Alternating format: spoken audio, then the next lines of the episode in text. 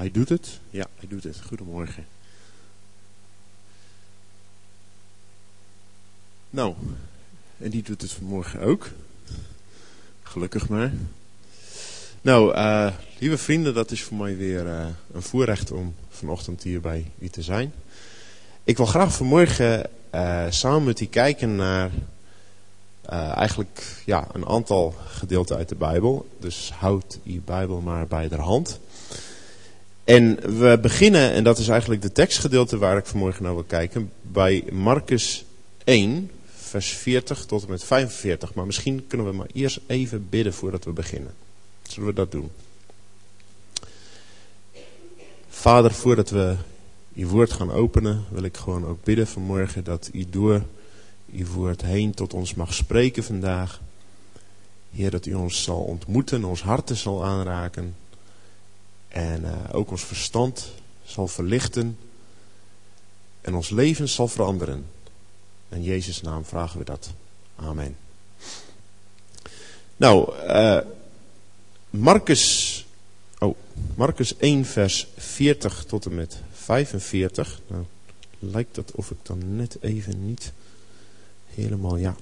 Ik moet hem even hier pakken. Ik dacht dat ik hem op de beamer erbij had. Nou, misschien komt hij later wel. Marcus 1 vanaf vers 40 tot en met 45. En laten we dat gewoon eerst even lezen en dan gaan we verder kijken. En straks komen we ook nog bij twee lezingen uit Leviticus terug. Marcus 1 vers 40 tot en met 45. En ik lees uit de nieuwe vertaling. Er kwam iemand naar hem toe die aan huidvraat leed. Hij smeekte hem om hulp en zei terwijl hij op zijn knieën viel, als u wilt, kunt u mij reinigen. Kunt u mij rein maken. Ja, Jezus, ja, ja, het klopt, ik heb de MBG in mijn hoofd. Jezus kreeg medelijden, stak zijn hand uit, raakte hem aan en zei, ik wil het, word rein. En meteen verdween zijn huidvraat en hij was rein.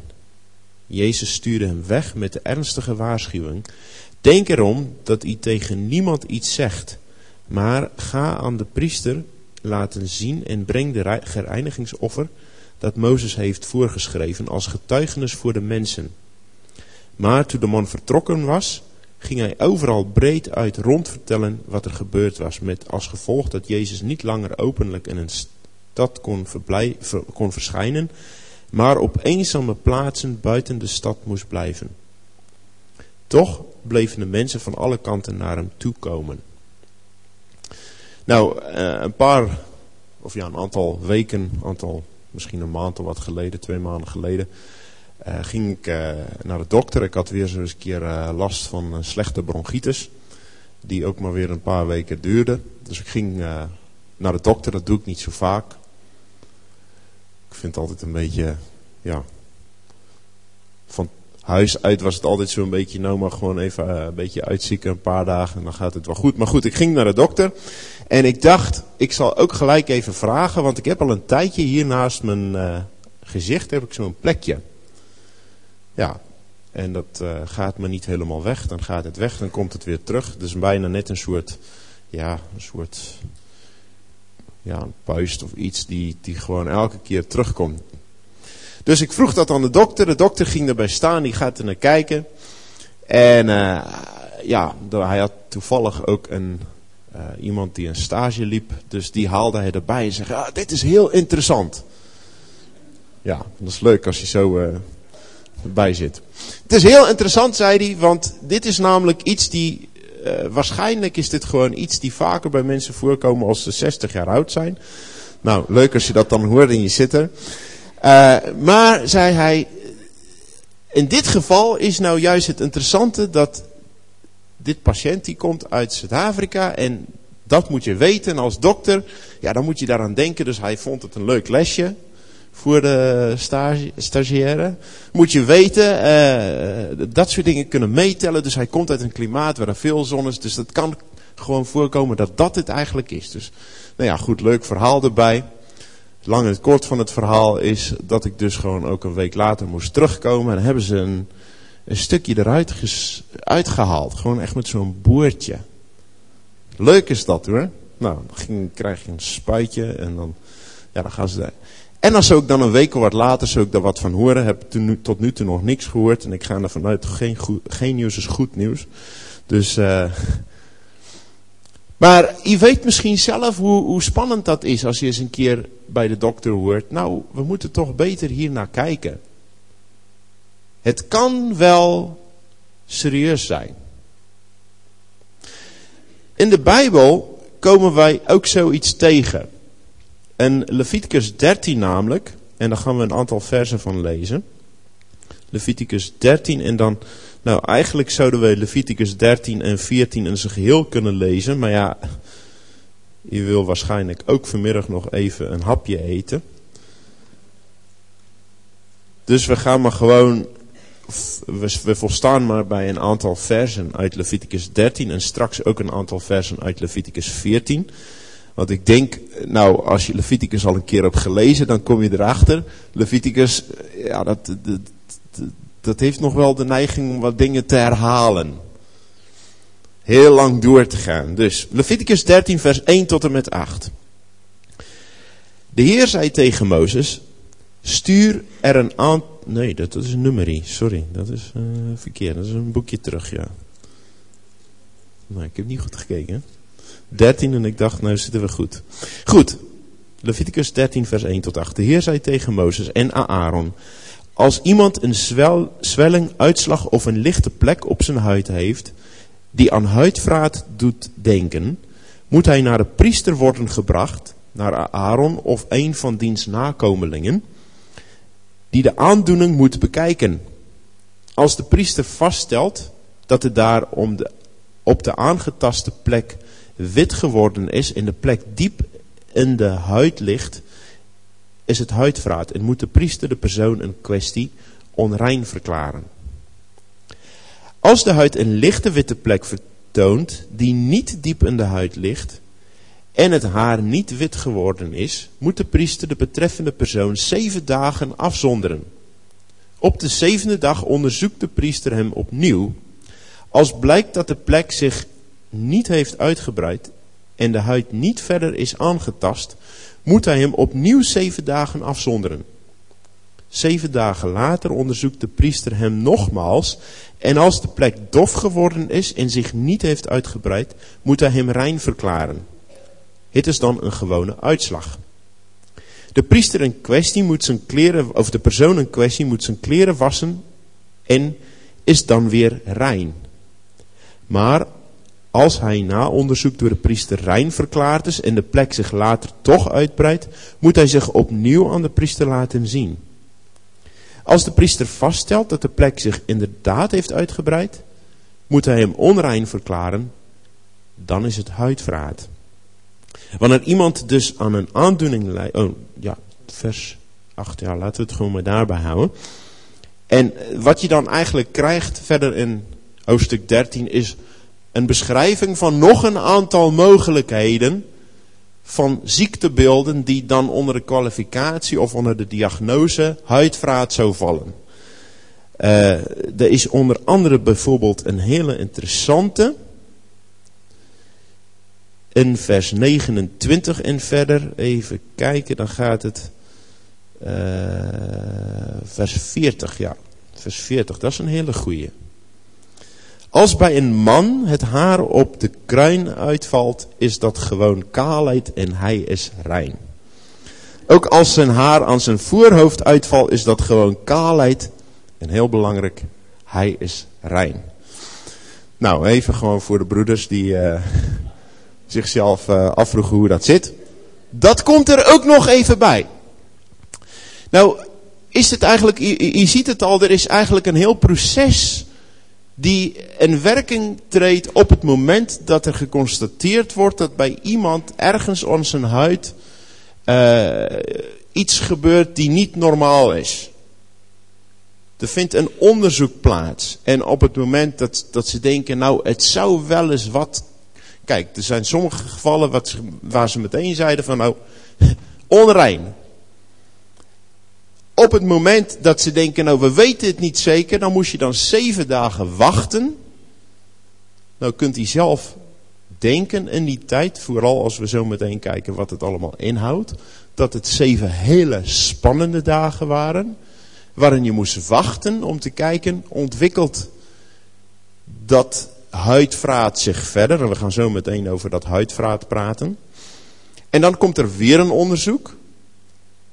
En dan, heel spannend, wacht je op de uitslag. Nou hebben we tegenwoordig natuurlijk ook soortgelijke ervaringen met verschillende ziekten. En daarvan is waarschijnlijk de, uh, een van de meest serieuze iets als kanker. Als iemand zegt, uh, of als de dokter zegt, we moeten er even naar kijken. Dat is dan heel spannend als je daarop moet wachten. Want dat heeft gevolgen.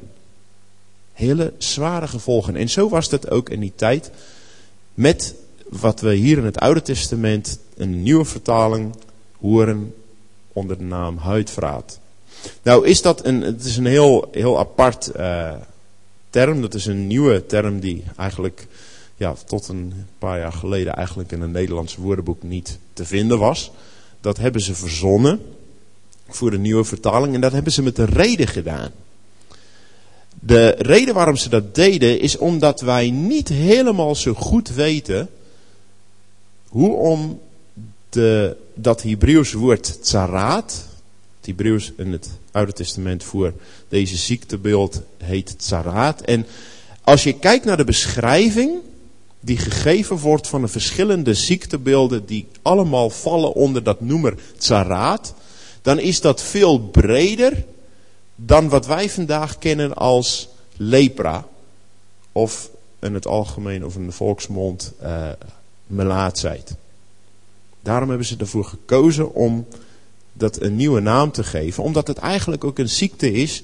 Allerlei ziekten zijn, huidaandoeningen, die daaronder vallen. En dat, dat het allemaal ziekten zijn die iets aan je huid doen. Nou vind ik dat, dat is niet een hele mooie naam. Maar dat, was, dat waren ook helemaal geen mooie ziekten. Misschien laat ik je zo meteen nog een plaatje of twee zien.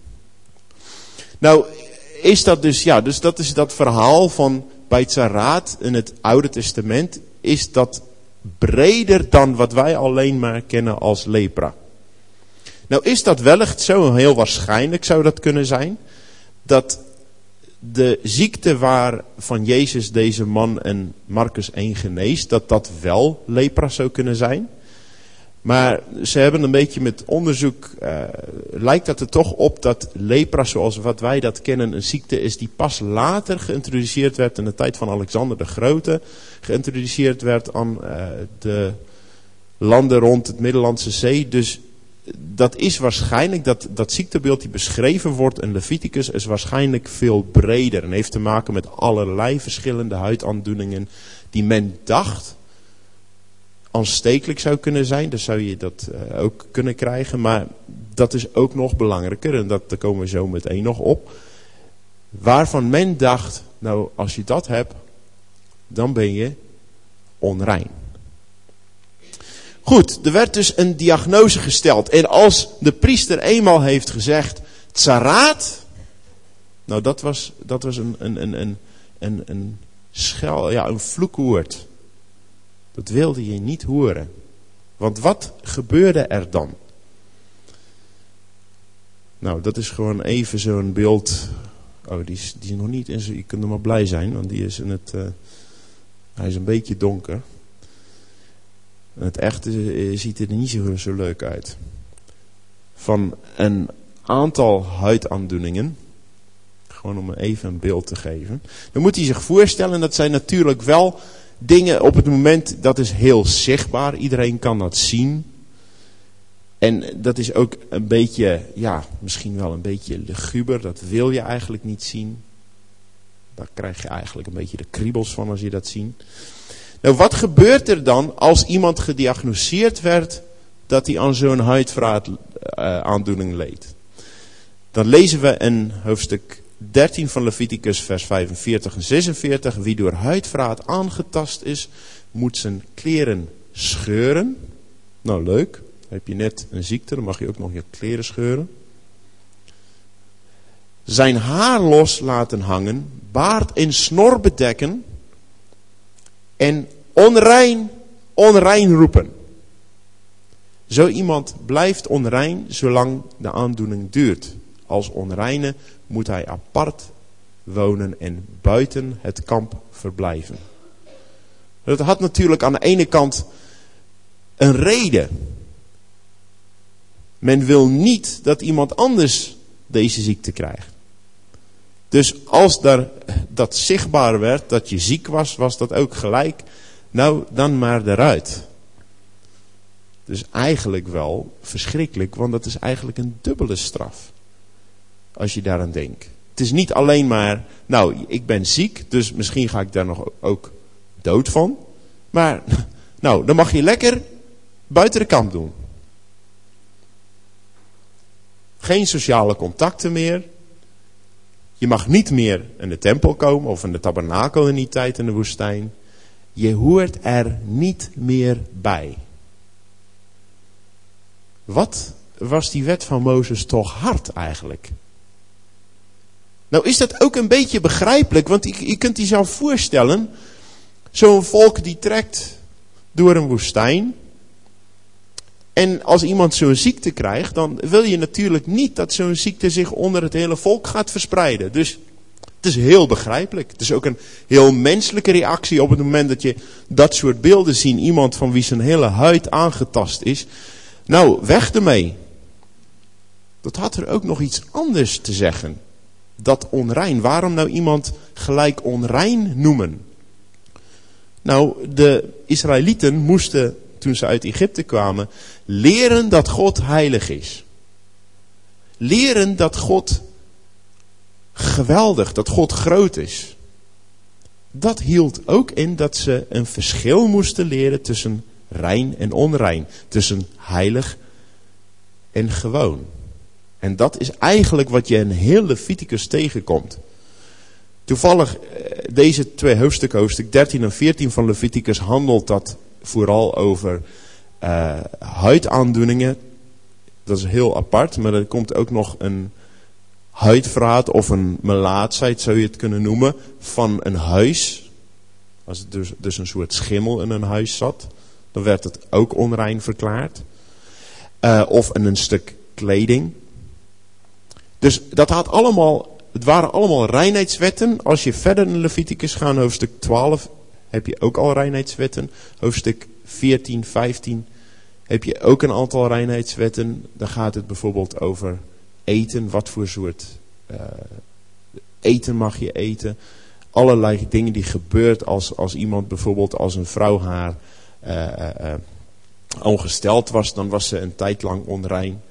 Uh, als een, een vrouw een kind had, was ze een tijd lang onrein. Nou, allemaal dingen om te zeggen. Als je zo bent, mag je dus niet bij God komen. Je mag niet naar de tabernakel gaan. En onreinheid, en dat is ook het erge, onreinheid was dus ook iets die zich verspreidde. Als iemand onrein was en je raakte iets aan, die, of zelfs al was je rein, als je iets zou aanraken die onrein was, werd je daar, al was dat maar tijdelijk onrein. Als je Leviticus verder leest, dan kom je bijvoorbeeld achter dat als een vrouw bijvoorbeeld ongesteld was, dan was wat zij aanraakte, was onrein. Kunnen wij in onze leven vandaag eigenlijk niet helemaal bij, maar zo was dat nou eenmaal. En die Israëlieten die moesten ergens leren, een, een, een idee krijgen van dingen die goed zijn en dingen die fout zijn. Ze kwamen als slaven uit Egypte. Hoe moest God ze dat leren? Nou, dat deed hij op een hele praktische, hele visuele manier. Elke keer als een Israëliet eten klaarmaken, moest hij denken, is dit een rein dier of een onrein dier? Mag ik het wel eten, mag ik het niet eten? De hele tijd, de hele dagelijkse leven was gewoon gevuld met gedachten van rein en onrein. Maar deze onreinheid van huidverraad, die was toch wel een stuk zwaarder. Want dat betekende niet alleen maar, hé, hey, je bent onrein en je moet even oppassen dat je niemand aanraakt. Nee, je was helemaal buiten de kamp. Je hoorde er niet meer bij. En voor de hele tijd dat dat ziektebeeld zich voordeed, mocht je er niet bij, moest je er buiten blijven. Nou is dat zo dat er wel een manier was om weer terug te komen. Stel dat je beter werd, dat, die, dat uh, de huidaandoening wegging, dat het dus later bleek van nou het is niet dodelijk, het gaat weer over, dan kon je weer terugkomen. En dat gebeurde op de volgende manier. Heel hoofdstuk 14 van Leviticus vertelt je hoe iets nou weer rein verklaard kan worden. Laten we gewoon heel even kijken. Leviticus 14 vers 1 tot en met 10 even. De Heer zei tegen Mozes, dit zijn de voorschriften die van toepassing zijn wanneer iemand die door huidvraat getroffen is, weer rein kan worden verklaard. Zo iemand moet naar de priester worden gebracht en de priester moet buiten het kamp onderzoeken of hij van zijn huidvraat genezen is.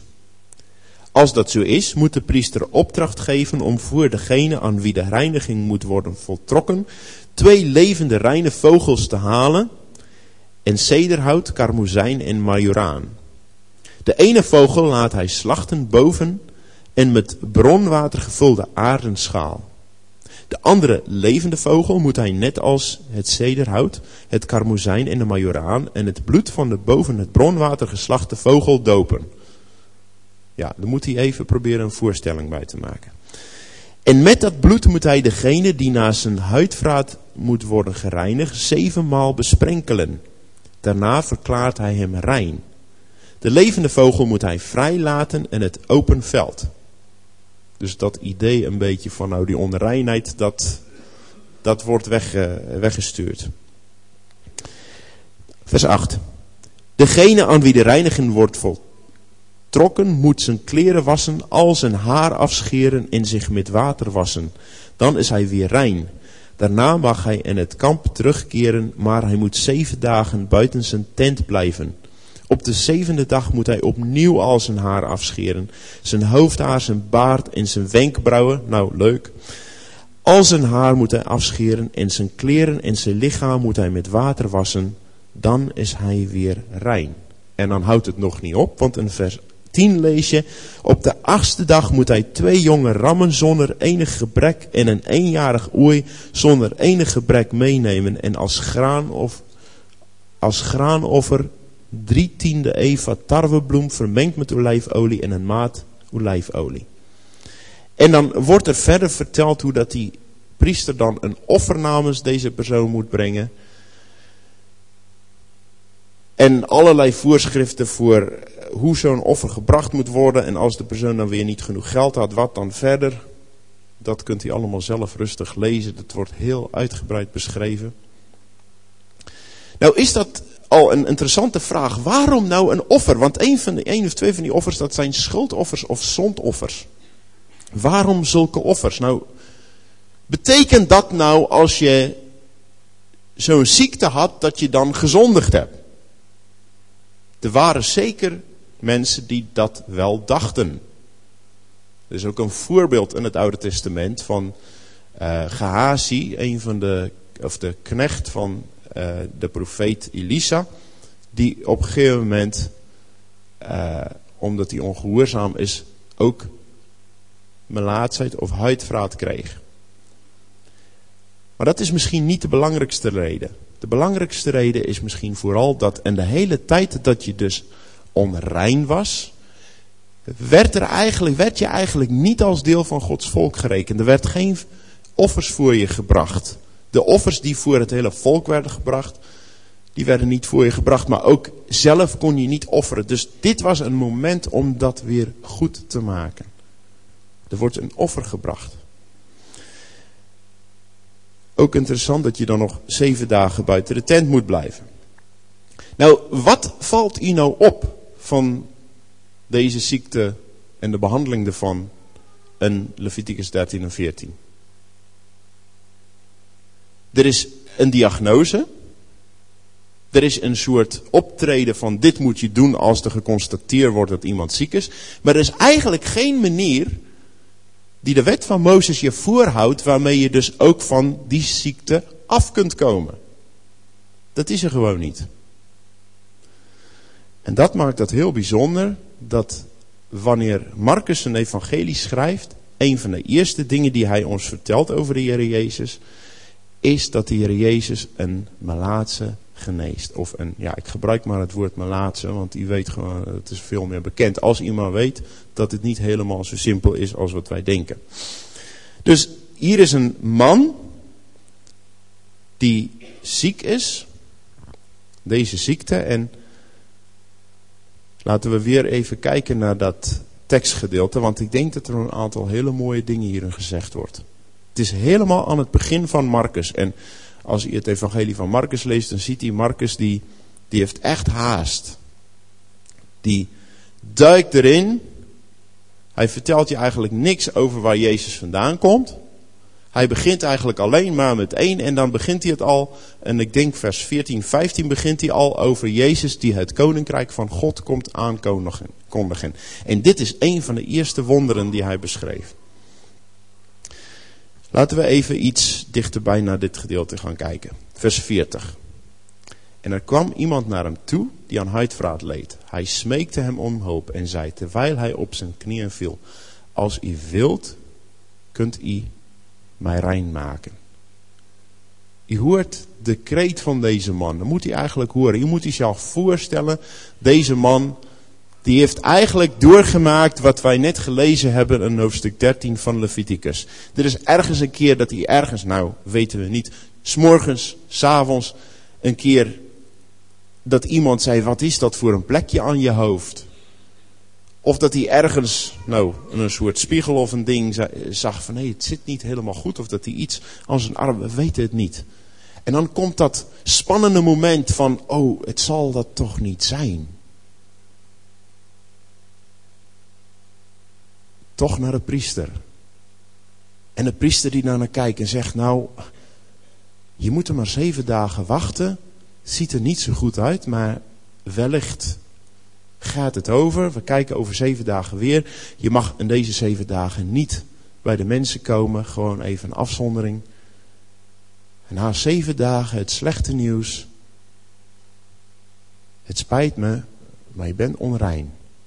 En je moet meteen vertrekken je kleren scheuren, jezelf onverzorgd laat, zodat iedereen kan zien, op een afstand kan zien, het is niet goed. En als je mensen tegenkomt, dan moet je eigenlijk op afstand al roepen, onrein, onrein, ik, ik, ik, ik ben onrein. Kom niet bij mij in de buurt. Deze man viel hij heeft waarschijnlijk wel van Jezus gehoord, viel op zijn knieën voor Jezus en zei, als u wilt, kunt u mij rein maken. Hij, hij heeft hoop. En dat is heel bijzonder, want wat, wat zegt de Bijbel hier? Jezus kreeg medelijden. Stak zijn hand uit. Raakte hem aan en zei, ik wil het, wordt rein. We lezen daar zo snel overheen, hè? Jezus raakt hem aan. Ja, goed, dat doen we in de kerk ook als we bidden voor een zieke. Realiseren wij ons wat, en dat zou elke goede, goede Jood die dit las, denken van, Jezus raakt hem aan? Dat meen je toch niet? Die man is onrein, een goed Jood die doet dat gewoon niet. Nou, van de wet van Mozes mag dat al niet van de wet van Mozes, als je zo'n persoon aanraakt, ben je al onrein. Moet je al, tenminste tot de avond, ben je onrein, mag je niets aanraken. Jezus raakte deze man aan. En ja, we weten dat niet, maar misschien was dat de eerste keer in een hele tijd dat iemand deze man aanraakte. En Jezus zegt, ik wil het wordt rein. Nou, dat zegt hij alleen maar. En prachtig, en dan krijg je zo'n woordje die in Marcus 42 keer herhaald wordt. En Marcus die vertel je dat bij Jezus dingen meteen gebeurt. Allerlei dingen. En meteen verdween zijn huidvraat. Nou, het was meteen zichtbaar. Hier is iets gebeurd. En hij was rein. Zichtbaar, er gebeurde iets zichtbaars. Jezus stuurde hem weg met de ernstige waarschuwing. Denk erom dat u tegen niemand iets zegt. Nou, dat is een heel verhaal over Marcus waar we vanochtend geen tijd voor hebben. Want Marcus die doet dat een paar keer, vertelt ons een, paar, een aantal keren. In het eerste gedeelte van zijn boek dat Jezus tegen mensen zei, daar moet je niet over praten. Dat is, daar hebben we helaas vanochtend geen tijd om naar te kijken. Maar luister wat Jezus verder zegt. En breng het reinigingsoffer dat Mozes heeft voorgeschreven. Als getuigenis voor de mensen. Wat Jezus eigenlijk bij implicatie zei is, nou die reinigingsoffer heb je eigenlijk niet meer nodig, want je bent al rein. Maar de mensen moeten het gewoon zien. Dus ga maar naar de dokter. Zou je kunnen zeggen. Als getuigenis voor de mensen. Dat de mensen wel weten als mensen dat dan nog van je weten of je kennen, nou, het is allemaal goed gekomen met die jongen. Door dit te zeggen stelt Jezus zichzelf natuurlijk op een hele bijzondere plaats, ook ten opzichte van Mozes. Vers 45. Maar toen de man vertrokken was, ging hij overal breed uit rond vertellen wat er gebeurd was. Nou, dat zie je ook elke keer gebeuren. Elke keer dat Jezus tegen iemand zei, je moet het niet vertellen, dan gaan ze het doen. Het is heel ironisch in Marcus, want aan het eind van de, van evangelie van Marcus, hoofdstuk 16, vers 8, dan zeggen de engelen juist, ga dat nou vertellen wat Jezus gedaan heeft. En dan hoor je, en ze durfden dat niet te vertellen. Het is denk ik ook specifiek dat Marcus dat zo heeft gedaan. Een klein stukje ironie. Wanneer Jezus zegt, spreek daar nou maar niet over, dan gaan ze dat vertellen. En op het moment dat ze eigenlijk de boodschap krijgen, hij is opgestaan, dan durven ze dat niet te zeggen. Wat is het gevolg hiervan? Eigenlijk is het gevolg van de optreden van deze man ironisch. Jezus kan niet langer openlijk in de stad verschijnen. Maar op eenzame plaatsen buiten de steden moest hij blijven. Wat deze man eigenlijk toebehoorde, hij mocht niet in de stad komen vanwege zijn onreinheid, vanwege zijn ziekte. Nou, dat gebeurt Jezus eigenlijk omdat Jezus hem genas. Jezus moet naar buiten. Dat is ook zo'n thema die in Marcus vaker tegenkomt. Dat Jezus juist de menigte niet opzoekt. Dat Jezus juist naar buiten gaat. En misschien heeft dat ook nog dat klankje van het Oude Testament waar de zondoffer of de, de zondebok zoals wij dat noemen en ook in Leviticus hoofdstuk 16 naar buiten wordt gebracht. Omdat hij eigenlijk ja, die ziekte en onreinheid op zich nam. Dat weten we niet. Dat zou er misschien wel eens in kunnen zitten. Dat klinkt erop. Nou, eigenlijk zien we hier een, een, een bijzondere gebeurtenis. Jezus die, die zo'n man aanraakt die onrein is. Jezus die overtreedt eigenlijk op een bepaalde manier de wet van Mozes. En het bijzondere is dat Jezus er niet onrein van werd. In ieder geval niet zichtbaar. Maar dat deze man juist rein werd. En er zijn er nog een aantal voorbeelden waar het ook gebeurt.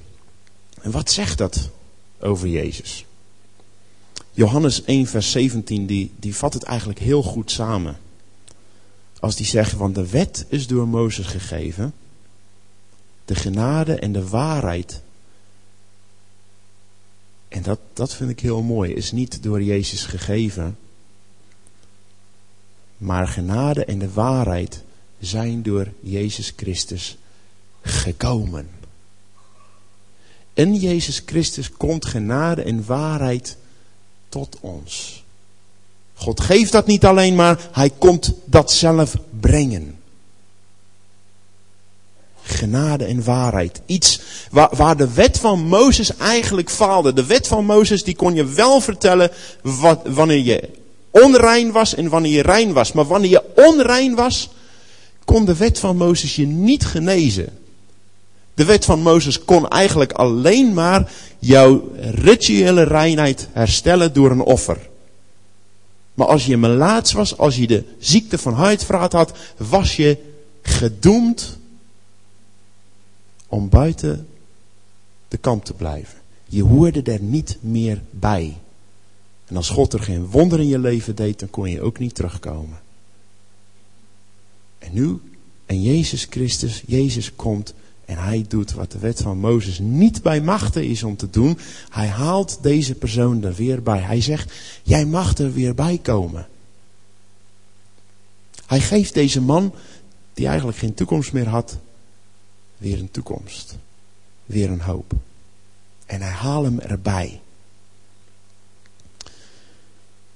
Wat heeft dat nou nog vandaag voor ons te vertellen? In de eerste plaats denk ik dat, dat het natuurlijk wel zo is dat Jezus vandaag nog mensen wilt genezen. Dat geloof ik. Zeker met mijn hele hart. Maar ik denk dat hier ook veel meer staat. Dat in Jezus er een nieuwe kijk is op de wet van Mozes. En dat is het probleem natuurlijk van een wet. Een wet houdt geen rekening met de individu. Als hij al ooit bij de gemeente had, iets had moeten regelen, dan weet hij dat. De wet houdt geen rekening met je persoonlijke omstandigheden. Voor de wet ben je een nummer. Regels zijn regels, zei iemand een keer. En Jezus komt er een nieuwe dimensie aan de wet. En dat is de dimensie van genade. En dat is een genade die niet alleen maar bedoeld is voor ons om te ontvangen. Dat is een genade die ook bedoeld is om uit te delen. Op het plaatje ziet u een foto. Ik weet niet of iemand de persoon op de foto herkent. Het is een uh, vader of een pater Damian. Dus een, Belgische pater. Die is in de 19e eeuw, als ik mijn uh, feiten goed heb, naar... Uh, Hawaii gegaan. En daar is hij op een gegeven moment op een bepaalde eiland is hij eh, gaan werken onder de melaatsen, onder de mensen die aan lepra leden. En daar heeft hij een hele tijd gewerkt en wat ik ook begrepen heb, niet altijd met veel succes, was hij eigenlijk op een gegeven moment klaar om weg te gaan. Tenminste, zo gaat het verhaal. En toen ontdekte hij dat hij dat zelf de ziekte heeft opgelopen. En op deze foto kun je dat eigenlijk al een beetje aan zijn gezicht zien. Door zijn zorg voor die mensen werd hij zelf eigenlijk besmet.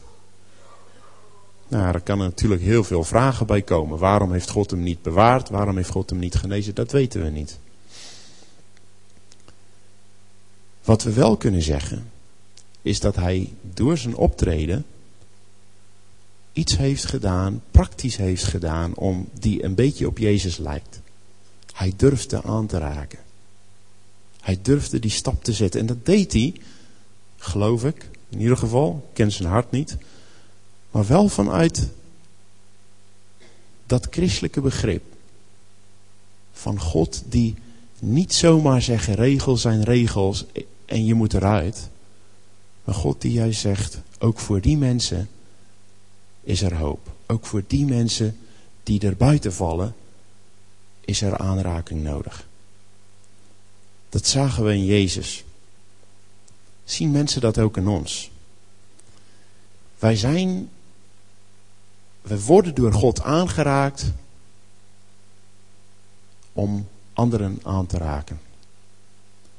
Als, als God in mijn leven aanraakt, dan is het niet zomaar alleen maar om ervoor te zorgen dat we niet naar de hel gaan, nou, dankjewel, ik ben binnen, Heer. Dan hebben we het niet goed begrepen. Het evangelie van Jezus Christus is juist ook voor de melaatse. Juist ook voor de mensen die er niet bij mogen. En we zouden hier vanmorgen een heel discussie over kunnen houden. Over wie die mensen dan nou wel zijn. Want ja, melaatsheid op deze manier, dat kennen we eigenlijk, zeker in Nederland, niet tegenwoordig. Maar misschien zijn er wel meer mensen Net zoals wat onder dat noemer tsaraat veel meer mensen vielen dan alleen maar mensen die aan de ziekte van Hansen lijden. Zo heet lepra officieel tegenwoordig. Zo zijn er misschien wel meer mensen die buiten de boot vallen.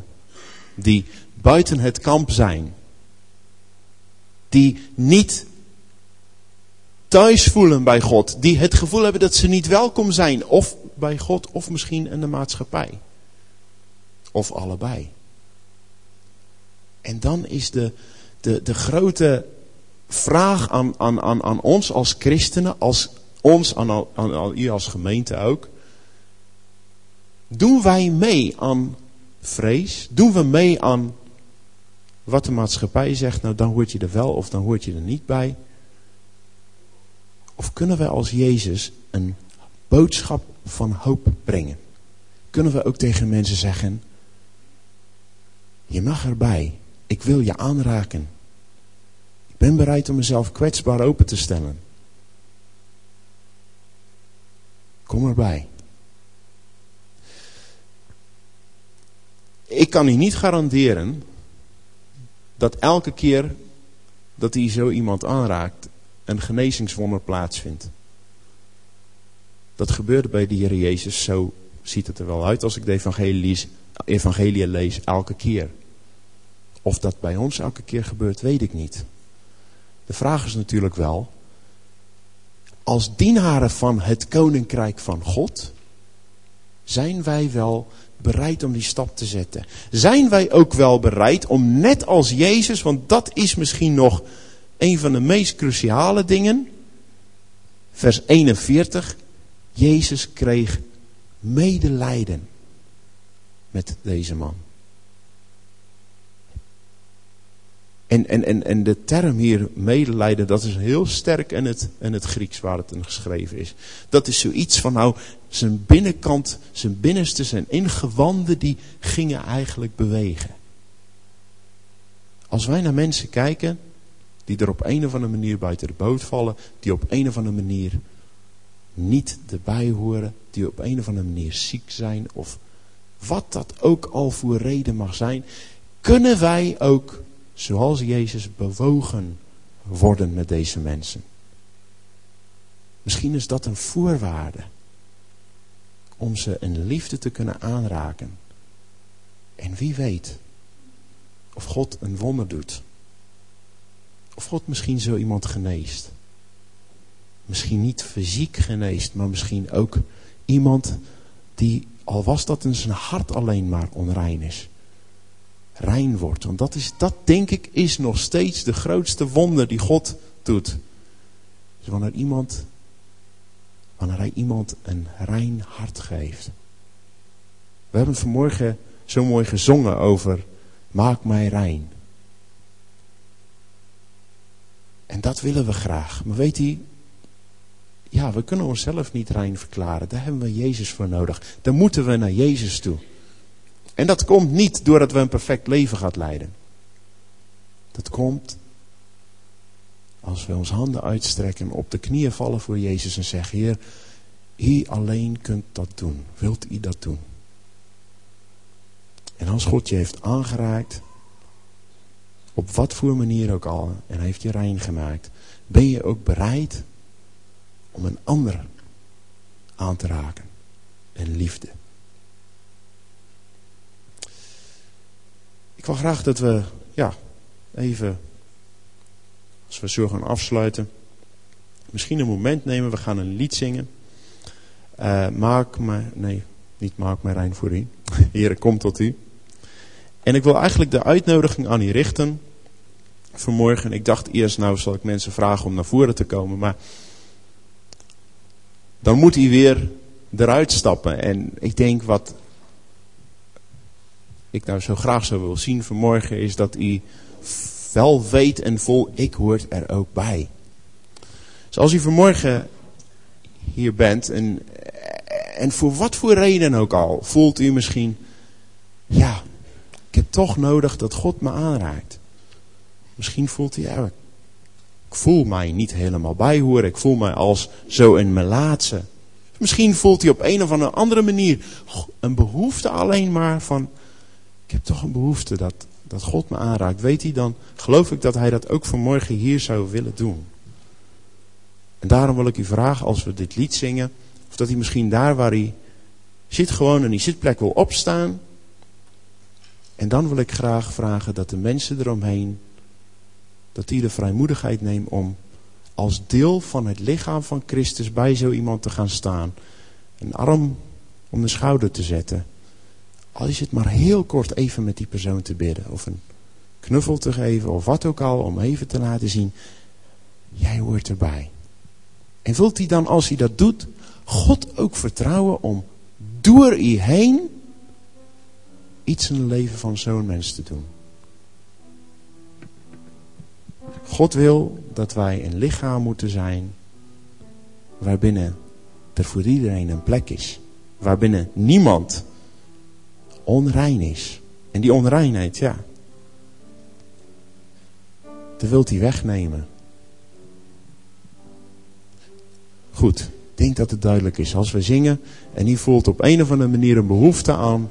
Gewoon dat iemand gewoon even een moment samen met hem moet bidden. Wilt hij dan gewoon opstaan en dan wil ik vragen dat de mensen eromheen, wilt hij gewoon samen met zo'n persoon even een moment van gebed nemen. Ja, zullen we dat doen terwijl we dit lied zingen?